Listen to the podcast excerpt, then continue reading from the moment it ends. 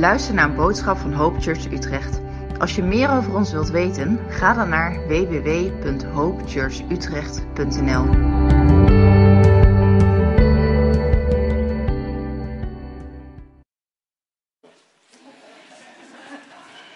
Ik uh, ga lezen uit Johannes 15. Johannes 15. Ik zei net, fijn zoveel christenen te zien. Als je nog geen christen bent, dan hoop ik dat je vanmorgen daar zo door aangesproken wordt. Dat je zegt, dat wil ik ook. Nou, dat is precies een van de mooie redenen waarom we bij elkaar zijn. Johannes 15. Ik lees uit de Telers-vertaling, die kennen jullie niet, maar dat maakt niet uit. Het zijn allemaal maar vertalingen. Ken je hem wel? Die heeft u geschreven, toch niet? Een andere. De Heilige Geest heeft hij geschreven. Dat, dat. Maar dat is waar, ik heb er zeer hard aan meegewerkt, ja. Dus uh, de, is de beste die er is. Johannes 15, maar ik, ik moderniseer hem ook terwijl ik lees. In vers 1. Ik ben de ware wijnstok en mijn vader is de landman. Elke rank in mij die geen vrucht draagt, neemt hij weg. En elke rank die vrucht draagt, die reinigt hij, opdat zij meer vrucht draagt. En dan gaan we naar vers 8. Hierin is mijn vader verheerlijkt dat jullie veel vrucht dragen en jullie zullen mijn discipelen zijn. Zoals de Vader mij heeft liefgehad, heb ook ik jullie liefgehad. Blijf in mijn liefde. Als jullie mijn geboden bewaren, zullen jullie in mijn liefde blijven, zoals ik de geboden van mijn Vader heb bewaard en in zijn liefde blijf. Dit heb ik tot jullie gesproken, omdat mijn blijdschap in jullie is en jullie blijdschap volkomen wordt. Dit is mijn gebod dat jullie elkaar lief hebben zoals ik u, jullie heb lief gehad. Niemand heeft groter liefde dan deze dat iemand zijn leven voor zijn vrienden aflegt. Jullie zijn mijn vrienden als jullie doen wat ik jullie gebied. Ik noem jullie niet meer slaven, want de slaaf weet niet wat zijn heer doet. Maar ik heb jullie vrienden genoemd, omdat ik jullie alles wat ik van mijn vader heb gehoord, bekendgemaakt heb. Jullie hebben mij niet uitverkoren, maar ik heb jullie uitverkoren. En ik heb jullie gesteld dat jullie zouden heen gaan en vrucht dragen en dat jullie vrucht zou blijven. Omdat alles wat jullie de Vader zullen bidden in mijn naam, Hij jullie dat geeft. Dit gebied ik jullie, dat jullie elkaar lief hebben. En tenslotte nog vers 27. En jullie zullen ook getuigen, omdat jullie van het begin af bij mij zijn.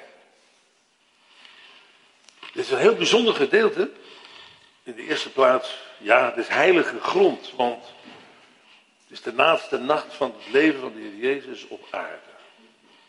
En hij heeft zich teruggetrokken in een opperzaal om daar samen met hen te zijn en voor allerlaatst in hen te investeren. Dat vind ik een mooi woord.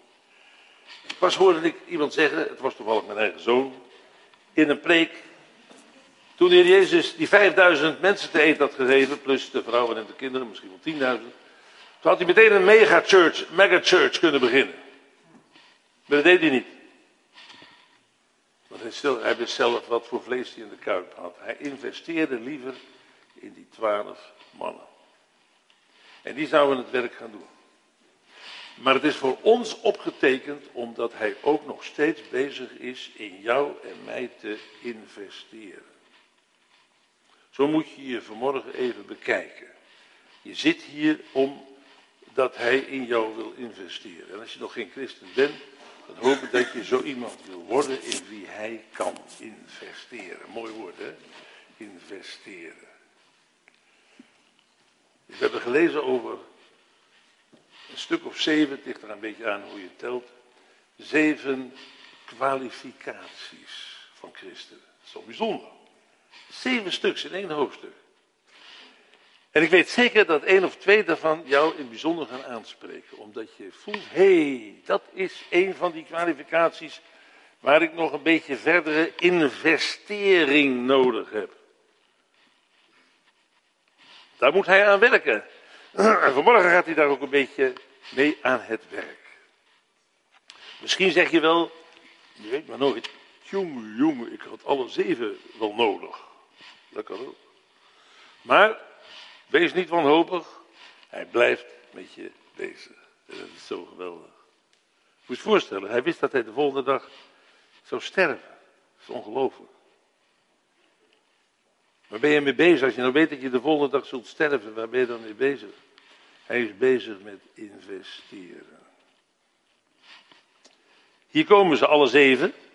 Daar kun je ongeveer uit afleiden hoe lang de preek gaat duren. Want als ik bij nummer zeven ben, dan weet je, nou duurt het niet lang weer. Nummer één. Dat is, je wordt een vruchtdrager. Staat niet in Vandalen, maar ik heb het zelf verzonnen. Je wordt een vruchtdrager. Wat betekent dat? We weten allemaal dat het niet alleen maar genoeg is dat je in de Heer Jezus gelooft en dan komt het verder wel goed en dan ga je straks naar de hemel. Je bent hier op aarde om vrucht te dragen. Niet alleen maar goede werken te doen. Niks mis mee hoor. We worden uiteindelijk beoordeeld naar onze werken. Dus ik heb helemaal geen moeite met dat woord. Maar vrucht gaat dieper. Daar gaat het niet alleen maar over wat je doet, maar wat je bent. Je bent als christen niet alleen maar beoordeeld naar alles wat je gedaan hebt in het koninkrijk Gods, maar wat voor mens je geweest bent. Je moest kijken naar Galaten 5 bijvoorbeeld. Daar gaat het over eh, de werken van het zondige vlees. Dat zijn werken. En dan verwacht je als tegenstelling dat er dan komt de werken van de geest. Nee, daar wordt geen opsomming gegeven van goede werken. Maar dan gaat het over de vrucht van de geest. Ook nog eens in het enkelvoud. Ze horen allemaal bij elkaar als partjes in een sinaasappel. Liefde, blijdschap, vrede, zachtmoedigheid, langmoedigheid. Tot de zelfbeheersing en, het, eh, en de trouw aan toe. Het is één geheel. Dus je kunt niet zeggen, ik ben nog wel erg goed in dit of dat, maar het is één geheel. En het is vrucht die komt van de Heilige Geest. Vrucht dragen. En dat moet eigenlijk heel makkelijk zijn, toch? Heb je ooit een appelboom horen kreunen en zuchten omdat hij appels moest voorbrengen? Nee. Het zit in de aard van het beestje, of boompje in dit geval. En zo is bij ons ook. In je nieuwe aard, niet in je oude aard, maar in je nieuwe aard zit het opgesloten dat je gaat vrucht dragen. Als je die vrucht niet hebt, dan moeten wij er ernstig aan twijfelen of jij wel een christen bent. Als een appelboom het vertikt om appels voor te brengen, dan twijfel je toch ten zeerste aan die boom. Is het wel een appelboom? Is het wel een gezonde appelboom? Dat is het eerste. Maar er staat ook bij dat de vader, dat is de landman, dat is de wijngaardenier, uh, die helpt daarbij. Die snoeit die, die ranken en die zorgt dat ze veel vrucht gaan dragen. Een rank brengt vrucht voort, zei ik net. Dat kan niet anders, anders is het geen rank. Ranken die geen vrucht voortbrengen, die worden afgehouden, die worden weggegooid. Maar het gaat hem niet om de vrucht, het gaat om veel vrucht. Wauw. Draag jij veel vrucht? Draag ik veel vrucht? We dragen wel een beetje vrucht, want daarvoor zijn we christenen. Maar dit is de eerste investering. De eerste wat doe jij aangesproken zou kunnen worden vanmorgen. Weer iemand die veel vrucht draagt, die dus uitmunt in liefde, blijdschap, vrede, langmoedigheid, zachtmoedigheid, goedheid, vriendelijkheid, zelfbeheersing, trouw. Het allemaal, hè? Dus die eerste uitdaging. Het is keihard hier, geen vrucht, afgehouden in het vuur worden weg. Bestaat niet dat een christen geen vrucht draagt. Maar het bestaat helaas wel dat het allemaal nogal zwakjes is. We zongen daarnet een lied, dat had ik nog nooit gehoord in mijn leven. Dank u voor de sterren en de maan. En ik stond hier straks toen ze nog aan het oefenen waren. Ik zei, wat is dat nou toch voor een lied? Danken voor de sterren. Heb je wel eens gedankt voor de sterren? Toen je dit liedje nog niet kende? Ik van, u weet er waarvoor. Ja, het is leuk dat ze er zijn. Dank u voor de maan. Daardoor hebben de Joden hun kalender, die is helemaal op de maan gebaseerd. Maar daarna staat, dank u voor het groeiende graan. Ja, dat eten we namelijk elke dag. Dat kan ik me voorstellen.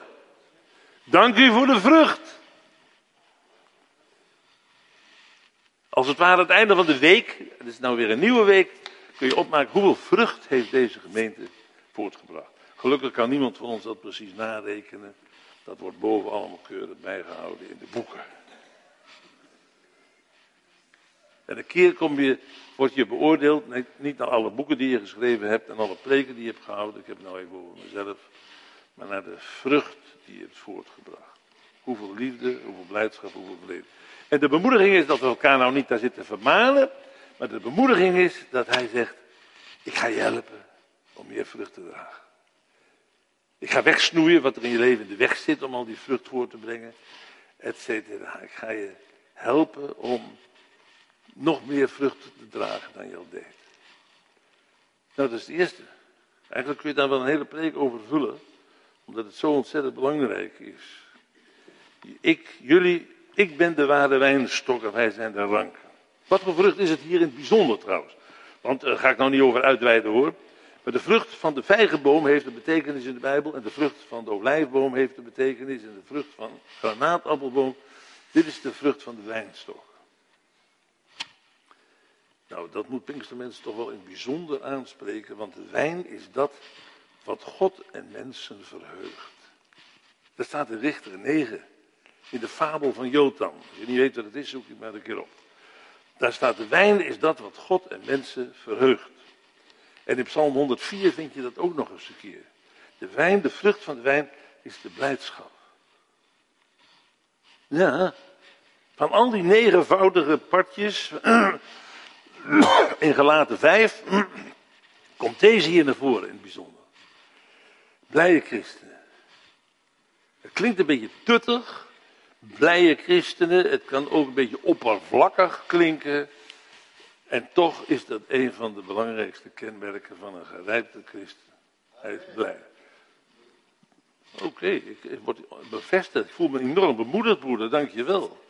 Maar het is ontzettend belangrijk.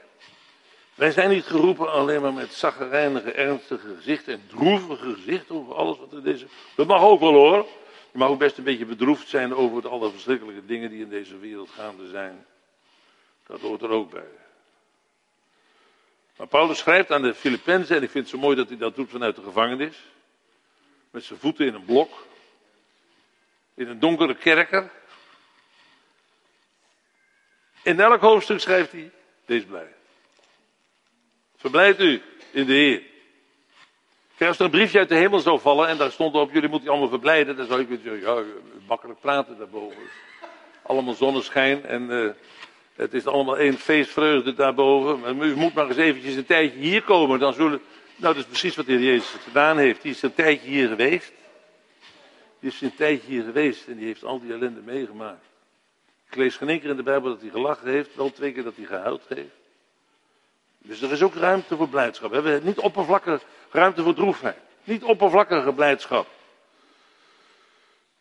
We hebben ze wel eens over geklaagd over de bundel opwekking dat er alleen maar blije liedjes in staat. Je hebt er niks aan op een begrafenis, zijn dominee keken tegen mij. Alleen maar blije liedjes. Niet liedjes over de ellende deze wereld en over de droefheid waarin wij ook als het ware willen meezuchten. Wij zuchten ook mee, zegt Paulus in Romein 8. Dus die ruimte is er ook, hè? Het is geen oppervlakkige blijdschap. Maar toch tegelijkertijd, vanuit de gevangenis, vanuit die donkere kerk, zegt Paulus, verblijd u in de Heer. Maar hij zegt ook in hoofdstuk 2, ik schrijf dat opdat jullie niet droefheid, opdat ik geen droefheid op droefheid zou hebben. Want een vriend van hem is bijna gestorven. Dat ook, hè. Het is blijdschap en droefheid tegelijkertijd. Nou, dat was punt 1. We hebben de eerste van de zeven gehad. Schiet er lekker op. De tweede. Dat vind je in vers 8. Hierin is mijn vader verheerlijkt dat u veel vrucht draagt en u zult mijn, eigenlijk moet je vertalen, Correctie naar mezelf. En zo zullen jullie mijn discipelen zijn. Ben jij een discipel? Wat is dat, een discipel? Ik heb ooit een preek gehoord in Zuid-Afrika. Dat is misschien wel leuk voor de Zuid-Afrikanen in ons midden. Van een uh, bijbelleraar. Die vertelde in het Afrikaans, maar in het Nederlands klinkt het net zo. Een discipel is een leerling, een volgeling en een vertrouweling. Letterlijk betekent leerling, maar dan niet leerling zoals op de middelbare school. Als je aan een leerling op de middelbare school vraagt uh, wie zijn leraren zijn, dan kan hij ze opzoomen, dat zijn de leraren op school. Maar als ik nou zei, wie zijn jullie voorbeelden waarin je zou willen spiegelen? Dan is de kans uiterst gering dat ze een van die leraren noemen. Dan noemen ze een voetballer of een popartiest of wat ook. Maar bij hem is het samen. Wij zijn zijn leerlingen, we luisteren naar hem, we steken daar heel veel van op, van alles wat hij te vertellen heeft. Maar we willen ook zijn volgelingen zijn. We worden, willen worden zoals hij. En dan niet in de zin van zoals je vroeger dat bandje had, what would Jesus do? Want jullie hebben nou in het vorige punt al geleerd dat je beter kan zeggen, what would Jesus be? Hoe zou hij zijn? Wat hij deed, dat kun je niet navolgen. Hij deed zulke vreemde dingen, dat, dat, dat is helemaal niet te imiteren. Hij spoog op de grond en met dat speeksel smeerde hij iemand de ogen vol. En dat is maar één voorbeeld van heel veel. Nee, veel belangrijker is niet wat Jezus allemaal deed, maar hoe hij was. Dat is de vrucht van de geest. Een volgeling van de Heer Jezus wil graag op hem lijken. Op hem lijken. Hij kon bedroefd zijn als het nodig was. En hij was blij als het kon. Even een voorbeeld, ik heb gezegd twee keer huilen. Zal ik ook een voorbeeld van de blijdschap van de Heer Jezus geven? Hij heeft een evangelisatiecampagne gehouden in Galilea. Het hele land doorgereisd. Resultaat, praktisch nihil. Wij zouden bijzonder somber zijn. Als je nou elke week naar de Sint-Jans Kerkhof ging. Die ging daar preken en er kwam al die jaren nooit wat uit. Zou ik toch een beetje teleurgesteld zijn. En wat zegt de Heer Jezus? Er staat bij in, de, in zoals het in Lucas beschreven wordt. Uh, Jezus dan in de moderne vertaling. Vervuld van de geest. Zei, vader, ik prijs u. Dat is blij kunnen zijn onder alle omstandigheden. Dat kan ook alleen maar vanuit de kracht van de Heilige Geest. Over die vertrouweling ga ik het direct hebben. Bij dat woord vrienden. Maar dit vind ik zo mooi. Je bent een discipel geworden. Je bent niet gelovig geworden om straks niet naar de hel te hoeven, maar naar de hemel te gaan. Dat is een verschrikkelijke gedachte dat dat het christendom zou zijn. Christendom is, je bent gelovig geworden om een volgeling van Jezus te worden. Daarom meten we jou niet af naar de lengte van jouw bekeringsverhaal, maar naar jouw navolging van Christus, jouw discipelschap. Dat is echt een blijde broeder, die zeggen. Een broeder vol blijdschap. Dat is mooi. En dat is het tweede. We zijn met het tweede ook gehad. En ik zei al, vertrouweling, zoals ik leerde van die bijbelleraar in Potchefstroom in Zuid-Afrika. Hij zegt, ik heb jullie vrienden genoemd. Als je Zuid-Afrika gaat, komt hij een beetje dichterbij. Ik heb jullie vrienden genoemd. Hij zegt dit, vers uh, eh, 15. Ik noem jullie niet meer slaven, want een slaaf weet niet wat ze hier doet. Maar ik heb jullie vrienden genoemd. En let nou op de motivatie. Omdat ik alles wat ik van mijn vader gehoord heb, jullie bekend heb gemaakt. Wat is een vriend? Letterlijk betekent het een liefhebber. Dat is niet de liefde zoals tussen man en vrouw. Het is niet de liefde als tussen ouders en kinderen. Het is niet de vaderlandsliefde. Het is de vriendschappelijke liefde. De liefde die je hebt voor een vriend of vriendin. heeft niks erotisch of zo. Dat is, tegenwoordig loopt het een beetje door elkaar af en toe. Maar dit is puur de vriendschappelijke liefde. Een boezemvriend of een boezemvriendin. Dat is iemand voor wie je geen geheim hebt. Anders is het geen boezemvriend. We zijn nogal royaal met het woord vrienden. Ja, vrienden dit of vrienden. Dat zijn dan die mensen drie keer in het jaar ontmoet. Maar een boezemvriend, dat is iemand met wie je zo vertrouwelijk bent dat je voor die persoon geen geheimen hebt. En de Heer Jezus zegt, ik heb jullie mijn vrienden genoemd, want ik heb geen geheimen voor jullie. Alles wat ik van de Vader heb meegekregen om hier op aarde te vertellen, dat heb ik jullie verteld. Jullie weten het allemaal. Ze snapten dat nog niet, want ze hadden de Heilige Geest nog niet ontvangen. De Jezus zegt Johannes 13, uh, eh, je kan het nou nog niet begrijpen, Petrus, maar je zult het later wel verstaan. Namelijk als de Heilige Geest komt. Daarom stellen ze ook zulke domme vragen in deze hoofdstukken. Dat was omdat ze de Heilige Geest nog niet ontvangen hadden. Hoezo, Heer, gaat u heen? Ze begrepen nog niks. Dat is het geweldige dat de Heilige Geest gekomen is. Het heeft enorme voordelen. Stel je voor dat de Heer Jezus op aarde was, we hadden nog niet de Heilige Geest. Ten eerste, als je iemand wilde vragen, moet je een ticket nemen om nog, uh, hem ergens in het land Israël te gaan opzoeken. Bij het meer van Galilea. Er staan nog een miljoen christenen te wachten om het te vragen. Ontzettend onpraktisch. Tweede voordeel, de Heilige Geest is, dus je hoeft niet eh, naar hem toe te gaan. Het tweede voordeel is, de Heilige Geest heeft ons heel veel verteld dat hij Jezus nog niet verteld had. Hij is op de lijn doorgegaan. Hij heeft ons veel meer onthuld. Daar hebben we het hele Oude, Nieuwe Testament aan te danken. En ten derde, door de Heilige Geest begrijp je het ook. Ik wil nog niet zeggen dat je een theoloog hoeft te worden. Maar begrijpt ook wat de geestelijke dingen zijn die hij ons leert. Dat is wat de Heilige Geest doet. Het onderwijs komt tot ons en we pakken het, we vatten het in zijn geestelijke diepte. Zonder dat je het misschien allemaal theologisch kan uitrafelen. Dat is weer een vak apart. Dat is zo geweldig. Dus hij zegt, ik heb jullie alles meegedeeld, alleen ze konden het nog niet pakken, maar later wel. Daarom hebben ze het allemaal opgetekend in het Nieuwe Testament. Vrienden is vertrouwelijkheid. We zongen dat ouderwetse lied, welke vriend is onze Jezus? What a friend we have in Jesus. Dat mag wel hoor. Maar de Bijbel doet dat niet. De Bijbel zegt niet, uh, Jezus is mijn vriend. Dat vind ik ook een beetje... Kijk, er staat wel Paul voor in vers 14. Uh, u bent mijn vrienden als u doet wat ik u gebied. Nou, dat moet je op een verjaardag zeggen. Jullie zijn allemaal mijn vrienden als jullie doen wat ik zeg. Dan schouw uit met de vriendschap. Vriendschap in zijn geval is dus wel een heel bijzondere vriendschap. Dus vriendschap van bovenaf. Niet hij is onze vriend. Je mag het best zeggen hoor, het komt goed aan boven. Maar het gaat om dat hij ons vrienden noemt. Want hij blijft de meester. Wij zijn de discipelen. Hij staat daar en wij staan hier. Hij is heel dichtbij. Hij drukt ons aan zijn hart, maar hij is de meester. Hij is de meester.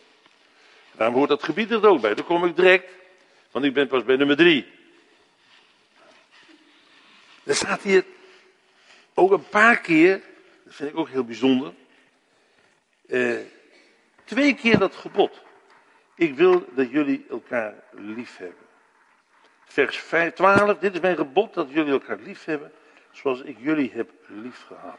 En dan nog eens een keer vers 17, dit gebied ik jullie, dat jullie elkaar lief hebben. Twee keer. Wij zijn liefhebbers. Er is ontzettend veel dat minder belangrijk is dan wij misschien wel denken. Maar dit gaat boven alles. De mate waarin wij elkaar hebben liefgehad. Dit gemeente, daar horen jullie niet bij hoor. Want jullie zijn daar gewoon niet talrijk genoeg voor. Maar als je in een gemeente minder dan twee derde van de mensen kent, dan is die gemeente gewoon te groot. Dat is geen gemeenschap. Dat is een of andere vereniging. Ben wel eens in zulke kerken geweest waar 3000 mensen zaten. In Florida een keer in een kerk van 7000 mensen. Ook leuk. Maar die mensen kennen elkaar niet allemaal, die kennen maar een heel klein fractie. Uh, ja, zeiden ze, ja, maar dan komt, we hebben allemaal huisgemeenten en daar kent, nou ja, oké, dat is een soort oplossing, maar een gemeenschap van mensen die van elkaar houden, dan moet je elkaar ook een beetje voor kennen. het leuke is dat je dan elkaar steeds beter leert kennen en dan toch van elkaar blijft houden. want zo'n gemeente is natuurlijk nooit perfect. Jullie, daarom vind ik het altijd het makkelijkste om in een andere gemeente te spreken dan in mijn eigen gemeente. Die mensen ken ik te goed. Maar jullie ken ik niet zo. Dus ik weet ook niet van de problemen die er eventueel in de gemeente zijn. De meningsverschillen. De bittere woorden die wel eens uitgesproken zijn. Denk erom, het is minder belangrijk of je gelijk hebt. We hebben allemaal soms een beetje gelijk en vooral ook een heleboel ongelijk. Dat is niet zo erg interessant. Ik heb ooit een prediker uit Amerika gekend, die man Nee, sorry, het was een Brit. Nee, laat geen Amerikanen beschuldigen, het was een Brit. Die man kon ongelooflijk debatteren. Maar ik had het gevoel bij hem, aan het eind van de discussie had hij de discussie gewonnen en zijn partner verloren, zijn tegenstander. Daar heb je niet zoveel aan. Het is belangrijk om elkaar te winnen, elkaar te accepteren, ook al hebben we meningsverschillen. Paulus beschrijft dat in Romeinen 14 zo mooi. Hadden ze meningsverschillen, doet er nou niet toe wat daar die meningsverschillen waren. Maar het was eigenlijk peanuts. En onze meningsverschillen zijn vaak ook peanuts. Echt waar. Je denkt misschien wel dat het ontzettend belangrijk is. Maar veel belangrijker is, en dat zegt Paulus aan de Romeinen 14. Dan zegt hij, het koninkrijk van God. Dat is heel wat anders. Dat is rechtvaardigheid. Eh, Het betekent gewoon heel simpel elkaar recht doen. Tegen een ander durven zeggen, ik ben het niet met je eens. Maar ik zou, wel niet, zou niet willen dat jouw mening onderdrukt werd. Ik vind dat er ruimte moet zijn, ook voor jouw mening. Ook al denk ik er anders over. Rechtvaardigheid, liefde en vrede. Blijdschap en vrede in de Heilige Geest. Liefhebben. Ik je vertellen, 50 jaar geleden, ik, ik preek nou, even denken, ik preek nu 55 jaar. Als ik 100 jaar gepreekt heb, dan uh, ik een jubileum, maar dan voorlopig nog. 55 jaar. Als ik, dat, als ik toen zulke dingen gehoord had van anderen, dat ik. Uh, weer zo'n moderne geest, zo liefde, het moet nou lief zijn voor elkaar. Het gaat om de waarheid, toch? Ja, ook. Maar Paulus schrijft aan de Efeziërs: waarheid vasthouden in liefde. Niet met de vuist op tafel. De waarheid vasthouden in liefde. De, waarheid, de liefde mag niet ten koste gaan van de waarheid en de waarheid niet ten koste van de liefde. Maar de liefde is boven alles. 1 Korinthe 13. Wordt vaak gepreekt op bruiloften. Maar het gaat aan mij helemaal niet over de huwelijksliefde. Maar dat geeft niet, maar bruiloft bekommert niemand zich daarom. Het gaat over de liefde van gelovigen onder elkaar in de gemeente. Denk erom, niet de vuist op tafel, maar de liefde jegens die ander. Ook als die ander heel anders denkt. Het klinkt misschien stom, ik hoop volgend jaar 80 te worden. Ik weet niet of ik dan nog moet komen, maar ook 80 mogen die ook komen spreken. Maar als ik. Uh, ik weet veel minder dan, 70, dan 50 jaar geleden. Nou, 70 jaar geleden ook. Toen wist ik precies hoe je kinderen moest opvoeden. Toen had ik ze namelijk nog niet. En een heleboel andere dingen ook. Die wist ik allemaal veel precies. Nou, tegenwoordig zeg ik, ja, maar je zei toen en dan. dat. Ja, dat is 40 jaar geleden. Ik weet het nou niet meer zo precies. Ik zal dus wat voorzichtiger zijn om te zeggen, die heeft gelijk en die heeft ongelijk. Maar dat woord van de liefde, dat is voor mij steeds belangrijker geworden. De gemeenschap, zoals je dat vindt in Johannes 11, waar ze zeggen van de Heer Jezus en zijn vrienden, zie je hoe lief ze elkaar hebben. Wauw, dat zou je toch willen. Daar in de Bootstraat is een club. Nou, je kunt zeggen, dus we hebben hoop, want dat staat op het, staat op dus het gebouw. Hope Church. Uh, ik dacht eens dat het betekent, I hope we are a church, maar dat is het niet. Hè? Maar uh, je zou willen dat ze van jullie zeiden, ze worden gekenmerkt door de liefde. Mooi. We hebben er vier gehad van de zeven. Hebben jullie nog tijd? Ja hoor. Goed zo, deze broeder in ieder geval wel.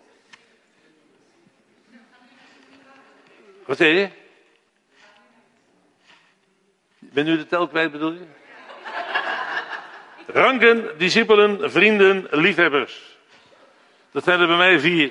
Het, het getal is totaal onbelangrijk. Maar we gaan nu over naar vijf. Uitverkorenen. Vers 16. Ja, dan krijg je altijd, als ik zeven punten noem, dan raken de mensen in de knoop. Want die hebben er dan één meer of min. 16. U hebt mij niet uitverkoren, maar ik heb u uitverkoren. Dit is niet de uitverkiezing van Efeziërs 1. Uitverkoren van voor de grondlegging der wereld. Van alle gelovigen kun je zeggen, ze zijn uitverkoren. God heeft aan ons gedacht. En ons al in zijn dikke boek geschreven toen nog niemand van ons geboren was. Toen zelfs de mensheid nog niet eens bestond. Dit is een andere uitverkiezing. Dit is uitverkoren zijn voor een bepaalde taak. Een bediening heet dat mooi. Bediening, een ministry. Maar taak is een eenvoudiger woord. Je bent uitverkoren voor een bepaalde taak in Gods kerk, in Gods koninkrijk. Die bedoelt dus een enthousiaste evangelist. Dat zie je, dat ruik je aan. Van hieruit ruik ik dat. En hij is een ontzettend enthousiaste, hoe noem je dat, een trommelaar? Ouderwet, ouderwet. Ouderwet. Oh, oké. Ik ben een enthousiaste prediker, tenminste dat hoop ik wel uit te stralen. En ik schrijf graag, verder kan ik ook niet veel. Ik schrijf en ik preek. Uh, maar ik ben technisch debiel. Eelco die kan het veel beter. Op sportief gebied ben ik een debiel. Iedereen heeft zo zijn kwaliteiten. En die kwaliteiten maken nog niet je bediening. Maar als de Heer de God je roept, dan gebruikt Hij die kwaliteiten in zijn dienst. Weet jij al waarvoor jij uitverkoren bent? Voor welke taak? Als je 15 bent, hoef je het nog niet te weten. Is mooi je het wel weet. Als je 20 bent en je hebt nog steeds geen idee, dan gaan we onze wenkbrauwen fronsen. Met 25 gaan we ons ernstige zorgen maken. En met 30 moet je naar de oudste van de gemeente gaan en zeggen: Help, help, ik weet niet wat mijn bediening is. Waarom is dat zo? Omdat je in die bediening gevormd wordt. En dat kan je zo vroeg mogelijk, moet je daarmee beginnen. Ik begon met 11 jaar met Bijbelstudie. Stel je voor dat ik pas door de Heer bekeerd was toen ik 23 was. Dan zou ik de 12 belangrijkste jaren om studie te doen al gemist hebben. Dank u wel je, dat u me vroeg geroepen hebt. Maar met 11 jaar ben ik begonnen en ik ben nog steeds bezig. Maar die eerste jaren zijn zo fundamenteel. En als je een andere bediening hebt, word je op een andere manier gevormd. Ik denk wel eens een keer, eh, ik speel graag piano, niet erg geweldig, maar ik vind het leuk om te doen. Maar ik ben blij dat ik heel jong al les gekregen heb. Uh, ik zou het nou niet meer kunnen leren. Ik denk vaak met autorijden, stel je voor dat ik dat nou nog moest leren. Zou ondenkbaar zijn. Ik zou de weg niet op durven. Maar dat zijn die jong geleerd. Dus alsjeblieft, begin jong aan die vraag. Wat is mijn bediening? Wat is mijn taak? Wat mag ik doen? Wat kan ik doen? Oké. Ze hadden alle twaalf een andere taak, andere bediening. Zo heerlijk verschillend. Je kunt ook bewonderen in de ander wat iemand voor bediening heeft. Terwijl je zegt, nee, mijn ligging is anders van aard. Ik durf rustig te zeggen, ik ben een leraar, want die staat in Efeze 4 toch onderaan. Apostel, profeet, evangelist, herder, leraar. Mijn vrouw is een herder, dat is één stapje hoger. Hij is een evangelist, dat is nog een stapje hoger. Dus ik durf rustig te zeggen, ik ben een leraar, want ik sta onderaan. Maar uh, dat is heerlijk. En ik ben er jong aan begonnen. En dat moet je ook doen. En als je nog niet weet wat je bediening is, ga ermee aan het werk. In het uiterste noodgeval, raadpleeg de oudsten. Nou, daar zit je dan mee. Maar het is belangrijk. Nummertje 6. We stuiten nu, op, ik nader nu toch de afronding, zuster, maak je geen zorgen. De slaven. Dat lijkt tegenstrijdig, want we hebben eerst gelezen, ik noem jullie niet meer slaven, vers 15. En wat staat er dan in vers 20? Herinner u het woord dat ik tot u zei, een slaaf is niet groter dan zijn heer. Ze hebben mij vervolgd, dat zullen ze ook met jullie doen. Dus toch slaaf? Ja, ja, want slaaf kan twee heel verschillende dingen betekenen. Een slaaf in de oudheid, dat was iemand aan wie je niet uitlegde waarom je wilde dat hij bepaalde dingen deed. Hij moest gewoon blindelings gehoorzamen. Hij wist ook niet waar zijn heer mee bezig was, dat hoefde ook niet te doen. Dat is net als een soldaat in het leger. Als er een soldaat in het leger heb je dat ook, die moet gewoon gehoorzamen. Stel je voor dat je midden in een veldslag zit en dat die soldaten zeggen, zegt u nou wel, uh, corporaal, maar daar willen we toch eerst wel eens even over discussiëren. Dat kan je niet doen. Dan moet je blindelings gehoorzamen, anders komt er niks van terecht. Maar in die zin zegt de Heer Jezus, zijn jullie geen slaven. Want we worden verwacht, verwacht uh, wijsheid aan de dag te leggen in de Heilige Geest. Om te begrijpen wat we aan het doen zijn. We weten, als je niet weet wat je doet. Je kunt wel eens hebben en zeggen, heer waarom moet ik dit nou doen? Dat zei Filippus ook, die was druk bezig in Samaria. Er kwamen heel veel mensen op bekering en dan zegt heer, ga naar die weg. En hij zegt ook nog bij, die is woest. Dat wil zeggen, er is geen kip te beleven. Nou, je kunt zeggen, ja, hij ging gewoon. En dan kwam hij daar die kamerding uit Ethiopië tegen. En toen wist hij waarvoor ik hier ben. Dus dat kan wel gebeuren. Maar in een ander opzicht ben je wel slaaf. Of dienstknecht, zegt dat dan. Dat is, je bent geroepen tot gehoorzaamheid. Je kunt niet alleen maar de Heer Jezus als heiland aannemen. Als je dat denkt, heb je je grondig vergist. Dit is koppelverkoop. Je moet hem ook aannemen als Heer. Heiland en Heer hoort bij elkaar. Als je zegt, nou ik wil niet, liever niet in de hel komen, dus ik vind het wel fijn als de Jezus voor mijn zonde gestorven is. verder zou ik toch wel liever willen doen waar ik zelf zin in heb. Kan niet. Koppelverkoop. Hij wordt de Heer van je leven of je het leuk vindt of niet. Natuurlijk vind je het leuk, want anders zou je niet echt bekeerd zijn. Maar hij is de Heer van je leven. En dat blijft altijd zo. Huh? Ook als we boven zijn. Nou, in openbaring 22 vers 5 staat van zijn slaven dat ze van zijn dienstknechten dat ze zijn dienstknechten blijven tot in eeuwigheid. Ze dienen hem eeuwig. We zullen de Heer eeuwig dienen. We zijn kinderen van de Vader. Ja, toch, maar toch, we zullen de Heer eeuwig dienen. Dat is een voorrecht. Dat is waarom hij zegt, een slaaf is niet meer dan, heer, dan, dan zijn heer. Als ze mij vervolgd hebben, dat jullie er beter vanaf kwamen, zullen ze jullie ook vervolgen. In Nederland valt dat nog wel mee. En tegenwoordig in een totaal ontkerkelijk land, bijna totaal. Wij zijn nog bij elkaar en een paar anderen ook nog, maar dat is wel stukken minder. Ik heb ooit een reunie gehad van mijn klas, van de middelbare school. Die gingen allemaal naar de kerk, was een keurige christelijke school, gingen allemaal naar de kerk met de reunie. Ik en een andere jongen waren de enigen die nog naar de kerk gingen. Dat is ontkerkelijking. Onze jeugd groeit op in een niet langer christelijk land. Dat is veel lastiger om een getuige te zijn. Het is ook veel lastiger om het aan die mensen uit te leggen. Ze weten niet waar je het over hebt. En dat brengt me tot het laatste. We naderen het einde van de preek. Punt 7, vers 27. Jullie zullen ook getuigen. Er staat hier voor de Heilige Geest komt en die zal getuigen. Want getuigen betekent hier vertellen wat je gezien en gehoord hebt. Net als bij een rechter. Je bent, ben je eens opgeroepen als getuige bij een rechter? Ik wel, één keer. Ik heb één keer een eet afgelegd in mijn leven, dat was voor de rechter. Ik moest getuigen. Uh, een getuige vertelt wat hij gezien en gehoord heeft. De Heilige Geest komt ook. Wat heeft hij gezien en gehoord? Die komt van de verheerlijkte Christus vandaan. De Heer Jezus voert in hemel. Hoe weten we waar hij gebleven is? Dat heeft de Heilige Geest ons verteld. Die komt van vandaan en hij zit daar aan Gods rechterhand. Staat in de Bijbel opgetekend. En waar getuigen deze twaalf discipelen van? Van wat zij meegemaakt hadden van Jezus.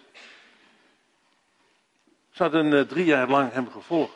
Ze hadden ongelooflijk veel dingen meegemaakt. Daar konden ze, getuigen. ze van zijn opstanding. In het begin van handelingen uh, vertellen ze dat in elk hoofdstuk, hoofdstuk 2, 3, 4, 5. Jezus is opgestaan. Hadden ze gezien, ze waren erbij geweest. Hoe hij aan hen verschenen was, meerdere malen. En nou, waar kan jij van getuigen? Pas geleden hadden mijn vrouw en ik een gesprek met een paar vrienden die het geloof langzamerhand kwijtgeraakt zijn. En ik merkte dat, dat het ongetwijfeld zo geleid dat ik een paar keer kon vertellen, niet alleen wat het geloof inhoudt, dat wisten ze al lang. Wat alleen kwijtgeraakt, maar ze wisten het nog wel. Maar hoe de Heer in mijn leven gesproken had. Ik noem het drie voorvallen. Waar als ik het op een rijtje moest zetten, dan zou ik daar misschien niet eens aan gedacht hebben. Maar ik kwam zo naar boven. Drie voorvallen waar de Heer rechts is in mijn leven gesproken heeft. Dat is mijn getuigenis. Niet dat van jullie. Jullie hebben je eigen getuigenis. En hoe ouder je wordt als christen, hoe rijper je wordt in het omgang met de Heer Jezus, dan komen er ook des te meer voorbeelden waar je zegt, toen heeft de Heer heel bijzonder tot mij gesproken. Toen heeft Hij heel in bijzonder aan mij duidelijk gemaakt wat jij moest doen, wat je moest zeggen. Dat zijn prachtige voorbeelden. Heb jij een getuigenis wat je kunt vertellen? Wanneer heb jij voor het laatst aan iemand getuigd van wat de Heer in jouw leven gedaan heeft? Denk even na. Je hoeft niet hardop te zeggen. Maar het is wel belangrijk. Het is één ding om op het Sint-Jans-kerkhof te getuigen in de zin van het evangelie te verkondigen. Dat is ook heel erg belangrijk in algemene zin. Dat kun je allemaal. Maar het is wat anders als dat iemand naar je toe komt en zegt: En jij, wat heb jij nou in je leven mogen doen? Maar hoe heb jij de Heer ervaren in je leven? Wat heeft Hij voor jou betekend? Hoe heb je hem ontmoet? Hoe ben je tot geloof gekomen? Nou, ook tot geloof gekomen, dat weet ik niet, want dat was zo jong. Ik heb nooit anders gedaan volgens mij dan geloven. Uh, maar ik kan wel getuigen hoe hij mijn leven gesproken heeft en gedaan heeft en gehandeld heeft. Ik kan je nog precies vertellen hoe ik voor het eerst toegekomen ben op de preken. Dat vertel ik jullie niet meer, tijd is op. Maar uh, dat is één voorbeeld waarvan ik kan getuigen. Dat is mooi. Nou, jij mag zelf uitmaken door welke van die zeven punten jij in het bijzonder aangesproken bent. Doe er maar wat mee. Breng hem maar bij de Heer. Ik heb gezien dat een aantal het goed genoteerd hebben. Je kunt ze alle zeven nog eens op een rijtje zetten. Wat heeft jou het meest aangesproken? Dat is datgene niet alleen wat interessantste was. Maar waarvan de Heer zegt, eh, vriend, Daar moeten we nog even samen verder over praten. Over nadenken. Want dat is nog een punt, daar kun je nog aan corrigeren. Daar kun je nog wat leren. Dat geldt voor mij net zo goed natuurlijk. Ik geef alleen maar het woord door, maar het geldt voor mij net zo. Daar en daar kun je nog aan werken. Zullen we het samen aan de Heer vragen? Heer, dank u wel dat u zo tot ons spreekt. Alsof het was tot die twaalf discipelen. Of waren toen nog elf. Maar u zat daar in die opperzaal. U wist dat u de volgende dag zou sterven. Maar u hebt geïnvesteerd in die elf. Want die zouden de wereld ingaan. Om overal te getuigen van wie u bent. En u bent nog steeds bezig door de Heilige Geest te investeren in mensen. En vanmorgen hebt u een stukje in ons willen investeren. Door zeven uitdagingen die op ons afkomen. En de ene uitdaging zal ons meer aangesproken hebben dan de andere, omdat dat nog net, net datgene is wat we nodig hadden. Heer, werk aan ons door uw geest. Neem dat woord en ga er ook verder mee aan het werk in deze week. Aan het onze harten mogen raken. Heer, ik bid u voor deze gemeente, voor degenen die er leiding aan geven. Voor al degenen die ertoe behoren. Geef u rijke zegen en genade en kracht hier. Geef dat inderdaad een getuigenis van mag uitgaan in deze stad. Dank u voor wie u bent. Dank u wat u ons geeft, steeds opnieuw. We loven en prijzen uw heerlijke naam. Amen. Bedankt voor het luisteren en we hopen dat je hierdoor bemoedigd bent. Als je meer wilt weten over Hope Church Utrecht, ga dan naar www.hopechurchutrecht.nl. Tot de volgende keer.